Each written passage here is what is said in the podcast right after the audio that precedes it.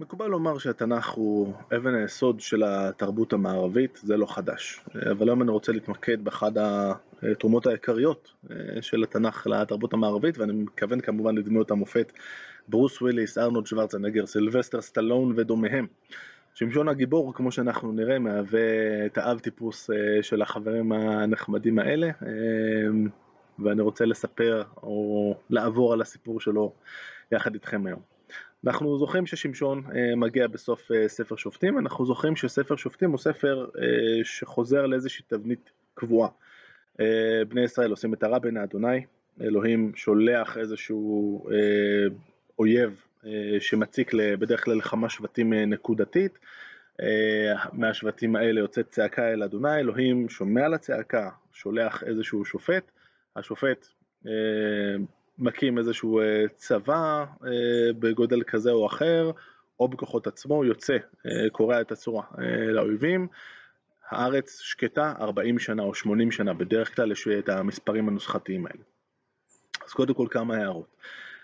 קודם כל, כשקוראים את הספר הזה שוב, כאנשים בוגרים, אנחנו רואים שהתמונה היא לא כזאת פשוטה, זה לא באמת אותו סיפור שחוזר על עצמו כל פעם. בלי איזשהו שינוי, אלא יש שינויים. קודם כל, יש איזושהי ירידה מתמדת ברמה של השופטים. השופטים הראשונים הם דמויות באמת עם סיפורים נורא קצרים וללא דופי, לאט לאט אפשר לראות איזושהי ירידה. יש את גדעון שחוזר ומבקש ניסים, לא מספיק לו שאלוהים אומר לו שהוא יהיה טוב ושנצח, אלא אומר לו גם בוא תראה לי רגע, אני אשים את החתיכת כותנה הזאת, הגיזה הזאת בגורן בלילה, שהטל יהיה פה ולא פה, ואז עושה את ההפך, גם נס אחד לא מספיק לו. כמובן יש את יפתח, השופט הלפני האחרון, אחד לפני שמשון, שחוץ מזה שהוא בן אישה זונה, תמיד מצחיק לחשוב על הקשרים של כדורגל וקריאות נגד השופט בימינו, שזה כבר פתיחה לא טובה, הוא גם איכשהו מסתבך בלשונו, והסיפור הטרגי נגמר בזה שהוא מעלה לעולה את הבת שלו, חז"ל כמובן מאוד יורדים עליו על הסיפור הזה, ואומרים לא יכול לדעת שיש פרוצדורה, היית יכול להיחלץ מזה, מה אתה ממהר להקריב פה בנות? ואז מגיע שמשון, וכמו שנראה גם עליו, עולים, גם לגביו עולים כמה סימני שאלה. שתי הערות קצרות כאן, לגבי הקונספט הזה של ירידת הדורות. אנחנו בעצם, ההידרדרות הזאת במעמד של השופטים, קצת מזכירה את מה שקורה היום, זאת אומרת, יש נגיסה מתמדת במעמד של מערכת המשפט, והשיקול בסופו של דבר, הרקע הוא רקע פוליטי. ויכול להיות שגם הסיפור הזה של ירידת הדורות של מעמד השופטים, בא להכין לנו את הרקע לשינוי הפוליטי הגדול שעומד ממש מעבר לפינה. ספר שופטים נגמר בתמונה אנרכית לחלוטין של הסיפור הנורא של פילגש בגבעה, ואז בעצם עולה על הבמה שמואל, ובהמשך יעלה על הבמה כמובן שאול המלך הראשון ואחריו דוד ואחרי זה כבר שופטים אנחנו כבר לא נראה, אנחנו נראה רק, רק מלכים. ירידת הדורות זה קונספט שמלווה את החשיבה הדתית מאז כמובן ועד ימינו, המחשבה שפעם היה יותר טוב, זה מאוד בולט באמירה התלמודית של אם ראשונים כמלאכים אנחנו כבני אדם, אם ראשונים כבני אדם אנחנו כחמורים, זה מאוד מנוגד לשני דברים, אחד כמובן מנוגד לחשיבה המודרנית המדעית שאומרת שבגדול אנחנו מתקדמים, זאת אומרת המדע הולך ומבין יותר טוב איפה אנחנו נמצאים, הרפואה מתקדמת וכן הלאה, זאת אומרת אנחנו באיזשהו נתיב מתמיד של העלייה ולא של ירידה, ואני רוצה להזכיר את הסרטון שלי על קהלת, שם ראינו איך קהלת מתייחס להלך הרוח הנוסטלגי ואומר משהו כמו אל תשאל מה היה שהימים הראשונים היו טובים מאלה, כי לא מחוכמה שאלת על זה. זאת אומרת, הרגש הזה של הנוסטלגיה ושל הפעם היה יותר טוב, ואומרים שהיה פה שמח לפני שנולדתי, אין מאחוריו משהו באמת אמיתי. לקחת את זה בחשבון. דבר אחרון שנגיד, שאנחנו נורא, כשאנחנו חושבים על ספר שופטים, הרבה פעמים אנחנו אומרים, טוב, כל פעם ותשקוט הארץ 40 שנה או 80 שנה, אלה מספרים שלא אומרים הרבה, אלה מספרים שבעצם בעברית של אז כנראה אמרו משהו כמו הרבה זמן. רק לזכור שגם הסיפור של יציאת מצרים, גם הוא נמשך 40 שנה, ויכול להיות שהרקע לביטויים האלה דומה, או לכאן או לכאן. שמשון, הרקע לסיפור של שמשון, כמו הרקע לגיבורים לא מעטים בתנ"ך, הוא אישה עקרה, שנכנסת להיריון באורח פלאי, בואו נראה איך זה מתחיל. ויוסיף, ויוסיפו בני ישראל לעשות הרע בעיני אדוני, ויתנם אדוני ביד פלישתים ארבעים שנה. ויהי איש אחד מצורעה, ממשפחת הדני, ושמו מנוח, ואשתו עקרה ולא ילדה. ואז יש סיפור על אה, איך שהאישה נמצאת אה, בשדה ומגיע אליה מלאך אדוני ואומר לה אה, הנה את עקרה ולא ילדת והרית וילדת בן ועתה הישמרינה ואל תשתי יין ושחר ואל תאכלי כל טמא כי הנך הרה ויולדת בן ומורה לא יעלה על ראשו כי נזיר אלוהים יהיה הנער מן הבטן והוא יחל להושיע את ישראל מיד פלישתים הוא בעצם אה, משתמש במילה נזיר וזה מזכיר לנו את החוקה של הנזיר שאנחנו מכירים אה, מהתורה. אה, בתורה יש שני איסורים על הנזיר, אחד לא לאכול ענבים ולא לשתות יין וכל מה שקשור בעצם לגפן ומצד שני לא להסתפר. הוא מוסיף כאן אל תאכלי כל טמא שזה לכאורה מיותר לאישה יהודייה כשירה אבל עכשיו הוא אומר גם בעצם שגם האימא צריכה לשמור על אותם כללים. האישה ממהרת הביתה, אה, הוא מספרת את הדבר הזה לבעלה מנוח שלא ממהר לקבל את הבשורה אה, בכזאת אה, חדווה. יכול להיות שהוא קצת חושד בזה שאשתו נמצאת בשדה לבד ופתאום מגיע מישהו שהיא מתארת אותו כאיש האלוהים בא אליי ומראהו כמראה מלאך האלוהים נורא מאוד ולא שאילתיהו אי מזה הוא ואת שמו לא הגיד לי נשמע קצת אה, משהו שצריך אה, להבין קצת יותר לעומק. ויתר מנוח אל אדוני ויאמר, בי אדוני, איש האלוהים אשר שלחת יבוא נא עוד אלינו, ויורנו מה נעשה לנער היולד. וישמע אלוהים בקול מנוח, יש עוד מפגש עם האישה, האישה אומרת למלאך חכה, אני רצה רגע הביתה. רצה הביתה, מביאה את מנוח, ויקום וילך מנוח אחרי אשתו, ויבוא אל האיש ואומר לו, האתה האיש אשר דיברת אל האישה? ויאמר אני. ויאמר מנוח, אתה יבוא דבריך, מה יהיה משפט הנער ומעשהו, ובעצם המלאך חוזר על אותם דברים, אומר גם אתה, צריך לשמור על אותם אה, כללים אה, בשלב הזה אה, של הנזירות. מצוין, אנחנו במידל איסט, וצריך להרים פה איזושהי סעודה לכבוד האורח כמובן, ויאמר מנוח אל מלאך אדוני, נא אותך ונעשה לפניך גדי עזים. ויאמר מלאך אדוני אל מנוח, אם תעצרני לא אוכל בלחמך, ואם תעשה, עולה לאדוני תעלנה. כי לא ידע מנוח כי מלאך אדוני הוא. זאת מנוח אה, עוד לא הבין, הקשיב, השתכנע שהוא מלאך אדוני. ואומר מנוח אל מלאך אדוני, מי שמך? כי יבוא דברך וכיבדנוך. ואומר לו מלאך אדוני, למה זה תשאל לשמי והוא פלאי. זאת לא הפעם הראשונה שאנחנו נתקלים אה, במקרא במצב של אדם שמנסה להבין מה השם של איזשהו מלאך. ראינו את זה גם כשיעקב נאבק במעבר יבוק עם המלאך כשהוא חוזר אה, חזרה אה, לארץ כנען. אנחנו מכירים גם את הרעיונות האלה של, או העיסוק המאוד נרחב בשמות המלאכים ובשמות האלוהות בקבלה עד ימינו. הרקע הוא כנראה איזושהי תפיסה שאם אני יודע את השם של אחד מבני הפמליה של מעלה, יש לי גם איזושהי יכולת להשפיע עליו. יש רעיונות כאלה במזרח הקדום, אנחנו מכירים את זה גם מהשכנים, וגם לזה יש פה איזשהו, גם לרקע הזה יש כאן איזושהי חשיבות. ויקח מנוח את גדי העזים בית המנחה ויעל על הצור לאדוני, ומפליא לעשות, מנוח ואשתו רואים. ויהי בעלות הלהב, הלהבה, מעל המזבח השמיימה, והיה על מלאך אדוני בלהב המזבח, ומנוח ואשתו רואים, ויפלו על פניהם ארצה. ולא יוסף עוד מלאך אדוני להיראו אל מנוח ואל אשתו, אז ידע אדוני, אז ידע מנוח כי מלאך אדוני הוא. ויאמר מנוח אל אשתו מות נמות כי אלוהים ראינו. ותאמר לו אשתו לו חפץ אדוני להמיתנו לא לקח מידינו עולה ומנחה ולא יראנו את כל אלה וכעת לא ישמענו כזאת. אני חושב שבשלב הזה אפשר לסכם שמנוח אה, יכול להיות איש אה, כליל המעלות אבל הוא לא נורא מהיר. אה, ויכול להיות שזו תכונה שתעבור לבן שלו הלאה כמו שנראה. ותלד האישה בן ותקרא את שמו שמשון ויגדל הנער ויברכהו אדוני, ותחל רוח אדוני לפעמו במחנה דן בין צורעה ובין אשתאול. אני רוצה בינתיים להעיר הערה, ויהיו כמה הערות כאלה ובסוף נחבר אותן ביחד. אמ, אין לנו מה שנקרא בשפה המודרנית מדרש שם על השם של שמשון, זאת אומרת למה קוראים לו ככה? מדרש שם זה משהו שאנחנו מצפים לו המון פעמים במקרא, אה, אנחנו רואים את זה מאדם, מסבירים לנו למה קוראים לו אדם, ויש לנו את זה על אברהם, ועל יצחק, ועל יעקב, ועל כל שבטי ישראל, כל אחד אה, פחות או יותר יש לו את המדרש שם שלו, ומשה, וכן הלאה וכן הלאה. על שמשון אין לנו, וזה קצת מוזר, אה, כי קורים פה שני דברים מעניינים.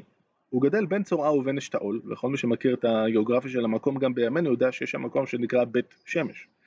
ובית שמש זאת לא רק העיר, אה, העיר המודרנית שאנחנו מכירים היום, אלא זאת, זה יישוב אה, שהיה קיים במשך זמן רב, ושם עבדו את אל השמש, דרך אגב ביריחו, כמו שאתם יכולים אה, לנחש אולי, או בשם קודם של הבית ירח, עבדו את הירח, ושם כמו שמשון נשמע נורא ברור לאן השם הזה הולך ומאיפה הוא מגיע, נשמור את זה בראש ונמשיך הלאה. Uh, הפסוק הבא מדלג לנו על כמה שנים טובות, וירד שמשון תמנתה לתמנה, וירא אישה בתמנתה מבנות פלישתים. ויעל ויגד לאביו ולאמו ויאמר, אישה ראיתי בתמנתה מבנות פלישתים, ועתה קחו, קחו אותה לי לאישה. אנחנו כבר מרימים גבה, ואנחנו לא לבד. ויאמר לו אביו ואמו, האין בבנות אחיך ובכל עמי אישה? כי אתה הולך לקחת אישה מפלישתים הערלים? ויאמר שמשון אל אביו, אותה קח לי כי היא אשרה בעיניי. שמשון הוא לא אדם אה, של נאומים נורא ארוכים, כך מסתבר, הבן אדם די עובד במשפטים קצרים, משפטי מחץ. זהו, גבר טיפוסי, שלא לומר ברוס וויליס. ואביו ואמו לא ידעו כי מאדוני היא, כי תואנה הוא מבקש מפלישתים, ובעת ההיא פלישתים מושלים בישראל. וירד שמשון ואביו ואמו תמנתה, ויבואו עד כרמי תמנתה, והנה כפיר אריות שואג לקראתו. ותצלח עליו רוח אדוני, וישסעהו כשסע הגדי, קרע אותו לשניים. ומאומה אין בידו, כלומר בלי שום כלי נשק, ולא הגיד לאביו ולאמו את אשר עשה. כנראה באותו שלב הוא לא בדיוק היה לידם. וירד וידבר לאישה, ותישר בעיני שמשון, וישוב מימים לקחתה, באותו עובר כמה זמן, ועכשיו הגיע הזמן לקחת את האישה, ויסר לראות את מפלת האריה, והנה עדת דבורים בגביית האריה, ודבש. זאת יש כמה דברים שקבעו להם את גביית האריה ככוורת, ויש שם דבש. וירדהו אל כפיו, וילך הלוך ואכול, וילך אל אביו ואל אמו, ויתן להם ויאכלו, ולא הגיד להם כי מגביית האריה רדה הדבש. וירד אביהו אל האישה, ויעש שם שמשון משתה, כי כן, כי כן יעשו הבחורים. והכיר אותם אותו, ויקחו שלושים מרעים ויהיו איתו. ואומר להם שמשון, אחודה נא לכם חידה, אם הגד תגידו אותה לי שבעת ימי המשתה ומצאתם, ונתתי לכם שלושים סדינים ושלושים חליפות בגדים, אחד לכל אחד. ואם לא תוכלו להגיד לי, ונתתם אתם לי שלושים סדינים ושלושים חליפות בגדים, ואמרו לו, חודה חידתך ונשמענה. ויאמר להם, מהאוכל יצא מאכל, ומאז יצא מתוק. אנחנו כמובן יודעים את מה שהם לא יודעים, שזה מתייחס לסיפור עם הארי והדבש. ולא יכלו להגיד אחידה שלושת ימים. ויהי ביום השביעי, אה, יש פה קצת בלאגן עם הזמנים, אנחנו נראה את זה שוב עוד רגע. ויהי ביום השביעי, אחרי ארבע, עוד ארבעה ימים של מבוכה, ואמרו לאשת שמשון, פתי את אישך ויגד לנו את החידה, פן נשרוף אותך ואת בית אביך באש. הלא ירשנו קראתם לנו הלא? אולי אנחנו לא מבינים את הסוף, אבל את ההתחלה עם הנשרוף אותך ואת אה, הבית של אבא שלך, אנחנו מבינים טוב מאוד. ותבק אשת שמשון עליו, ותאמר, רק שנאתני, ולא, אהבת, ולא אהבתני. החידה חדת לבני עמי, ולי לא הגדת. ויאמר לה, הנה לאבי ולאמי לא הגדתי, ולך אגיד. אה, ותבק עליו שבעת הימים אשר היה להם המשתה, שוב הבלגן קצת עם הזמנים. ויהי ביום השביעי, ויגד לה כי הציקת הוא. ותגד החידה לבני עמה.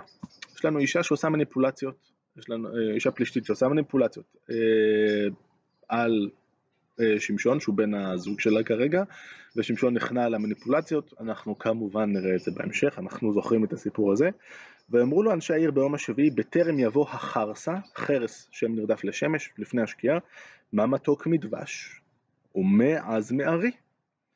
ויאמר להם לולא חרשתם בעגלתי לא מצאתם חידתי שוב, משפטים קצרים, וזה נורא מזכיר את האייטיז עם הסרטי אה, מופת, כמו קומנדו אה, ורוק ורמבו 2 או 3, עם המשפטים שהגיבור אה, מסנן לאויבים שלו שנייה לפני או אחרי שהוא קורע להם את הצורה.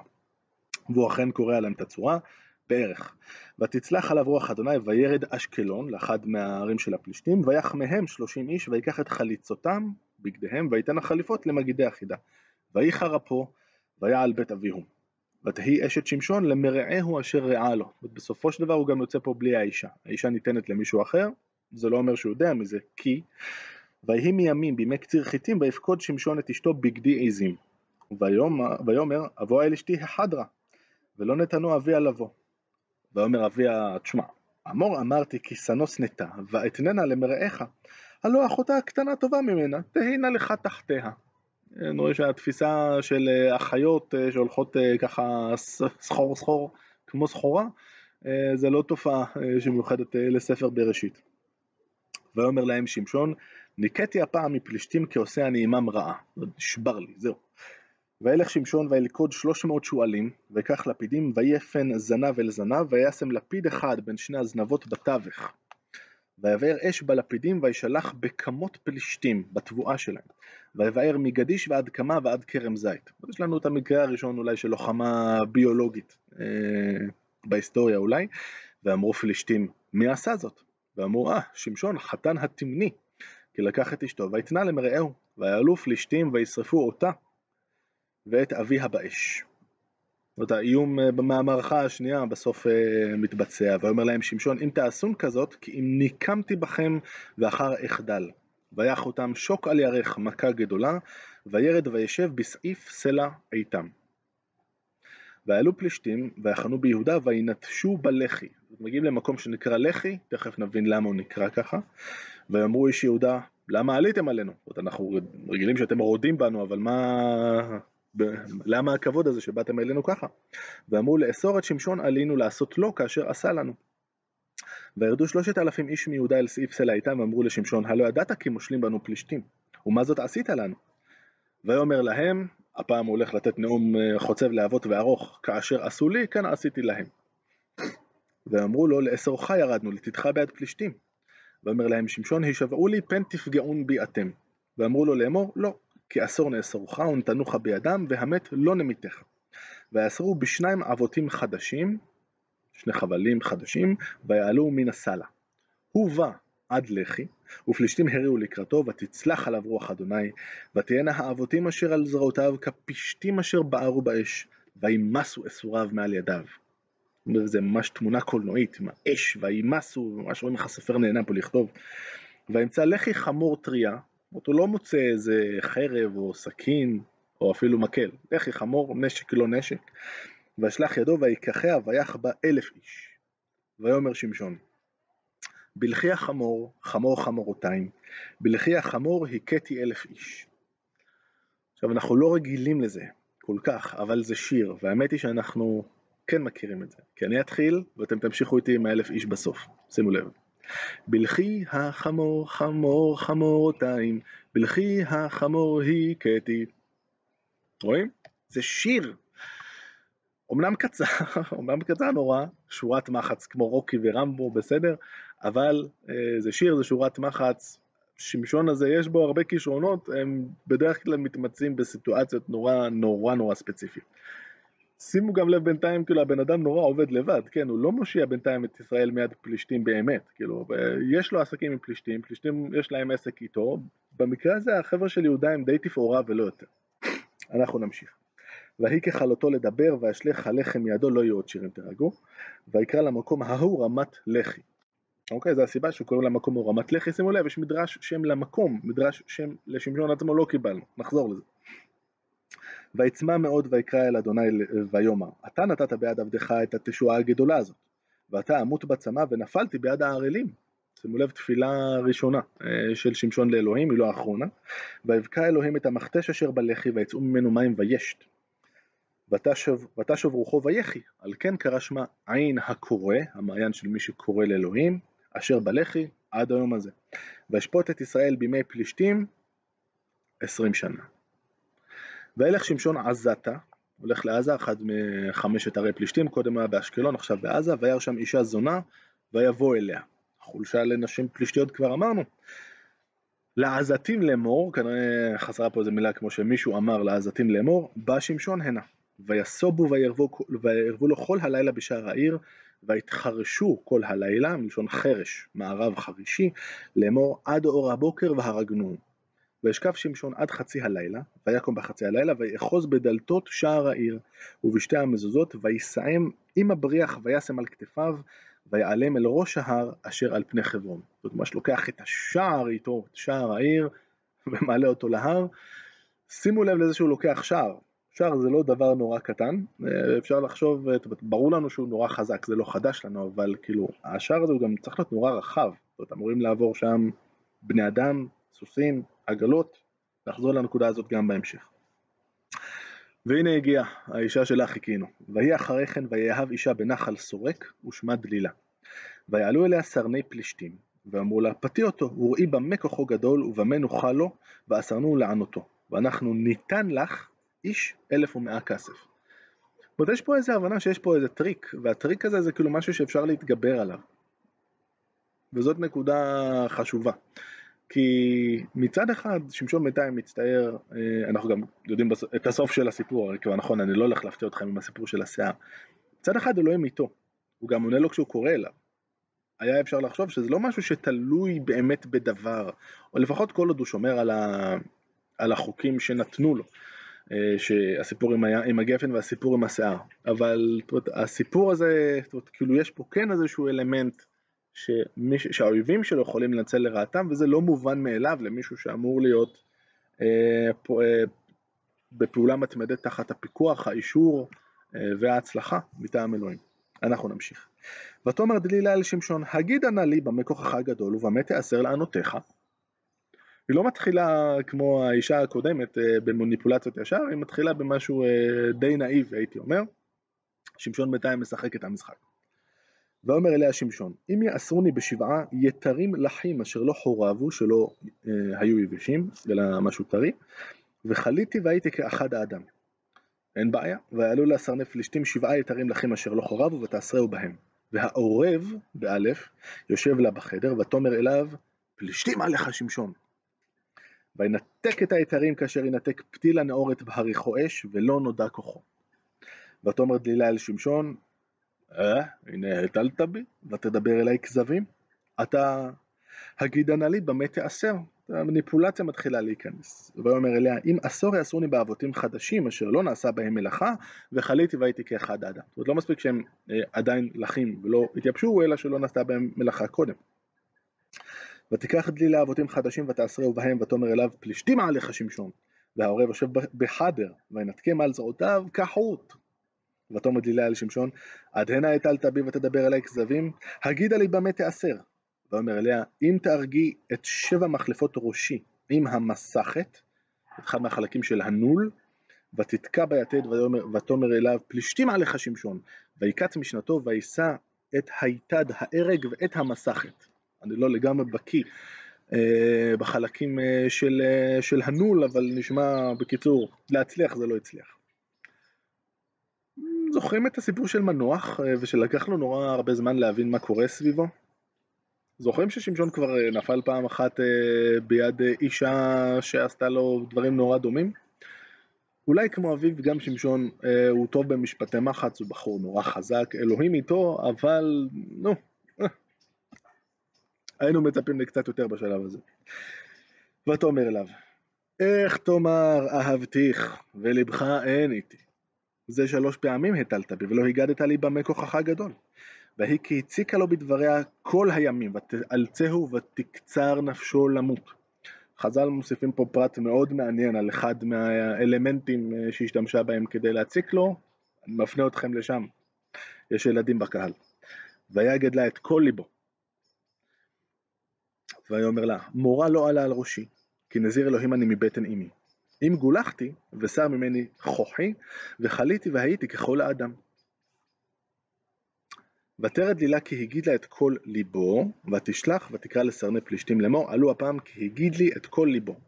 ועל זה חז"ל אה, תובעים את אה, מטבע הלשון, ניכרים דברי אמת. כשבן אדם באמת אומר את האמת, אנחנו יודעים שזה המצב.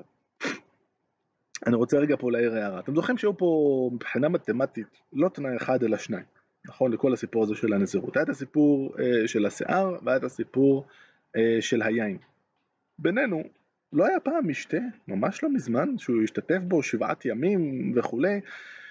כאילו הסיפור מתמקד בסיפור של השיער ואני מבין למה, גם אנחנו זוכרים למה, כי קל מאוד, אה, יותר קל אה, לגזור לו את השיער כשהוא ישן, והשיער גם הולך לחזור אחר כך לטובת המערכה האחרונה. אה, אבל יש פה איזה משהו קטן אה, שבינינו לא לגמרי מסתדר. אבל אנחנו זורמים עם הסיפור קדימה. ועלו אליה סרני פלישתים ועלו הכסף בידם ותישנהו על ברכיה ותקרא לאיש ותגלח את שבע מחלפות ראשו שבע עצמות ותחל לענותו ויסר כוחו מעליו ותאמר פלישתים עליך שמשון ויקץ משנתו ויאמר אצא כפעם בפעם וינער כנראה משהו כמו נו עוד פעם והוא לא ידע כי אדוני שר מעליו ויאחזו פלישתים וינקרו את עיניו ויורידו אותו עזתה ויאסרו בנחושתיים ויהי טוחן בבית האסורים. מה זהו, הסיפור שלו נגמר, אבל ויחל שיער ראשו לצמח כאשר גולח. אפשר קצת לתהות אה, לגבי המעורבות של אלוהים אה, בסיפור, אבל כנראה ש... שזה עדיף לסיפור, מה שנקרא. אמ, כדי שנוכל להגיע למערכה הסופית, גם זה קורה לא מעט בסרטים מהאייטיז, בסוף תופסים את הגיבור, אינדיאנה ג'ונס בסרט הראשון ועוד אלף סרטים משוורצנגר, מי זוכר עכשיו? הכל נראה אבוד, אבל אז. וסרני פלישתים נאספו לזבוח זבח גדול לדגון אלוהיהם ולשמחה. ואמרו נתן אלוהינו בידינו את שמשון אויבינו. ויראו אותו העם ויהללו את אלוהיהם כי אמרו נתן אלוהינו בידינו את אויבינו ואת מחריב ארצנו ואשר הרבה את חללינו. זה נורא מעניין שהפלישתים יותר, אה, נראה שהאלוהים שלהם יותר נוכח בחיים שלהם מאשר אלוהים היה נוכח בחיים של שמשון, אה, כמו שראינו. ויהי כטוב ליבם ואמרו קראו לשמשון וישחק לנו. ויקראו לשמשון מבית האסורים ויצחק לפניהם ויעמידו אותו בין העמודים. שוב אנחנו כבר יודעים מה הולך לקרות עוד רגע. ויאמר שמשון אל הנער המחזיק בידו שהרי הוא עיוור הניחה אותי והמישני תן לי למשש את העמודים אשר הבית נכון עליהם ואשען עליהם. מה אכפת לך? והבית מלא אנשים ואנשים ושם כל סרני פלישתים ועל הגג כשלושת אלפים איש ואישה רק על הגג הרואים בשחוק שמשון. ויקרא שמשון אל אדוני ויאמר, אדוני אלוהים, זוכרני נא, וחזקני נא אך הפעם הזה. האלוהים, וינקמן נקם אחת משתי עיניים מפלישתים. וילפות שמשון את שני עמודי התווך אשר הבית נכון עליהם, ויסמך עליהם אחד בימינו ואחד בשמאלו. ויאמר שמשון, תמות נפשי עם פלישתים. ויית בכוח, ויפול הבית על הסרנים ועל כל עם אשר בו, ויהי המתים אשר המית במותו, רבים מאשר המית בחייו. הסצנת אה, סיום שהיא כמובן באה עם המשפט מחץ שלה, תמות נפשי עם פלישתים כמובן, אה, שמשון בלי, משפחי, בלי משפטי מחץ זה בקושי שימי תבורי, אוקיי, ואנחנו בסצנת סיום, הרס מוחלט, גם הגיבור מת, מה שלא קורה באיטיז, אבל בסדר, התרככנו מאז, ירדה חולשה לעולם, אה, במקרא עוד היינו יכולים אה, לחיות אה, עם זה, שהבן, עם, הגיבור, עם זה שהגיבור שלנו מת בסוף. וירדו אחיו וכל בית אביהו וישאו אותו ויעלו ויקברו אותו בין צורעה ובין אשתאול בקבר מנוח אביו והוא שפט את ישראל עשרים שנה. עד כאן הסיפור של שמשון. אני רוצה רק לסיום, חוץ מזה שהיה לי נורא כיף להיזכר בכל הסרטים של פעם, לחבר ככה כמה נקודות שדיברתי עליהן לאורך הדרך. דיברנו על זה שאין לו לשמשון מדרש שם, דיברנו על זה שהוא מסתובב סביב בית שמש, דיברנו על זה שהוא לוקח את השערים של עזה, ודיברנו על זה שהוא מפיל את, ה, את העמודים שהבית נכון עליהם, אה, שהוא מחזיק את שתיהם, את שניהם. עכשיו, אני מקליט את הדבר הזה בסוכה שלי. אה, עוד לא פירקתי אותה, אה, כי זה נורא כיף בינתיים, עד שהגשמים יתחילו. אם אני עכשיו עושה ככה, ואני מטר שמונים ואחד, אני לא מגיע אה, לשני הדפנות. לי תמיד היה נורא מוזר בתור ילד, איך יכול להיות אה, מצב שבו אה, בניין כזה גדול, שרק על הגג שלו נמצבים שלושת אלפים איש ואישה, יש שני עמודים ואפשר להפיל אותם ככה, בן אדם בגודל שאני מניח שהוא גודל רגיל, נשמע מאוד מוזר. ו... אני רוצה פה עכשיו אה, לתת את זכות הדיבור למחקר, למחקר המקרא המודרני, שאומר, רגע, אנחנו מכירים סיפורים מהמזרח הקדום, אוקיי, מה שנקרא, שזה הסיפורים של השכנים שלנו, שכולם הכירו אותם, אוקיי? ובסיפורים האלה מדי פעם יש גיבורים שהם גם, א', שהכוח שלהם נובע מהאלים השונים, אוקיי, ברור, וגם הם נורא גדולים, פיזית, ממש גדולים. הקטע אז אנחנו יכולים אולי לדמיין אה, שדברים היו בסיפור המקורי שהסתובב לפני שהוא קיבל את הצורה הסופית שלו כאן אה, בספר. זה נורא ברור בעיניי עם הסיפור של השער והסיפור של העמודים בבית שבסיפור המקורי אה, שמשון היה קודם כל נורא גדול פיזית, אוקיי? הרבה יותר גדול מגוליית, שגם הוא מתואר כאיזה ענק בגובה 6 אמות וזרת, הוא צריך להיות יותר גדול מזה, זה דבר אחד. וכמובן הסיפור של בית שמש ושמשון, קל אה, לחשוב שלפחות בגרסאות מסוימות של הסיפור, שעזבו, לא, לא, אוהבים, לא האבות אה, שלנו ולא האמהות שלנו, אנשים אחרים פה באזור. לא נשמע מופרך שהרעיון היה שהוא קיבל את הכוח שלו מאל השמש, בוודאי חשבתם על זה, אה, אם יש לנו את השם שמשון ואם יש לנו את בית שמש, אה, וגם השמש שם בשקיעה המוזכרת, אם אתם זוכרים, אה, בטרם יבוא החרסה, יכול להיות שיש פה משהו. והרעיון של המקרא המודרני, זאת הסברה שיש בדרך כלל, אומרת משהו כמו, הסיבוב הזה הסתובב בעם. הוא סיפור כל כך טוב מדי, מכדי להשאיר אותו בחוץ, הוא צריך להיות בפנים, הוא צריך להיות אה, במקרא, בדרך אנחנו מעדנים אותו. אז אנחנו לא נסביר את השם שמשון, אנחנו לא נגיד בית שמש, אנחנו לא נגיד שהוא היה נורא נורא גדול, אנחנו כן ננסה לקשר איפה שאפשר, אי אפשר כל הזמן, אי אפשר להפוך, להפוך אותו עכשיו אה, לאיזה, לאיזה חסיד אה, שקורא לאלוהים אה, כל שעה וכולי. כן הם שברו על הקווים המקוריים ששמים אותו בסופו של דבר כאיזשהו שופט נורא בודד קודם כל. יש שם את הסיפור וישפוט את ישראל 20 שנה, אנחנו, אני לא חושב שהייתה איזושהי עדות בסיפור הזה לזה שהבן אדם הזה היה מעוניין או התעסק עם איזשהו משהו שלא היה כרוך כנראה בו עצמו בפלישתים ובעיקר בפלישתיות. זה, זה פחות או יותר מה שאפשר לה, להגיד על זה כרגע. דבר אחד אחרון, הקישור בין שמש וגבורה זה לא קישור שזר למקרא, בשירת דבורה, פרק ה', אה, שמונה פרקים אה, לפני התחלה של שמשון, יש לנו את ואוהביו כצאת השמש בגבורתו. חומר למחשבה. בכל מקרה, אה, שמשון מסתמן כבן אדם נורא חזק, אחת הדמויות היותר כיפיות מבחינת המשפטי מחץ, ו... ואנחנו חייבים כנראה הרבה לרעיון הזה של בן אדם שמצד אחד הוא נורא חזק אה, פיזית, אבל יודע לשמור על ההומור שלו ועל החוש המוזיקלי, בואו לא נשכח. אה, זהו, אני חייב למצוא איזה סרט מהאייטיז עכשיו. תודה רבה ונתראה בפעם הבאה.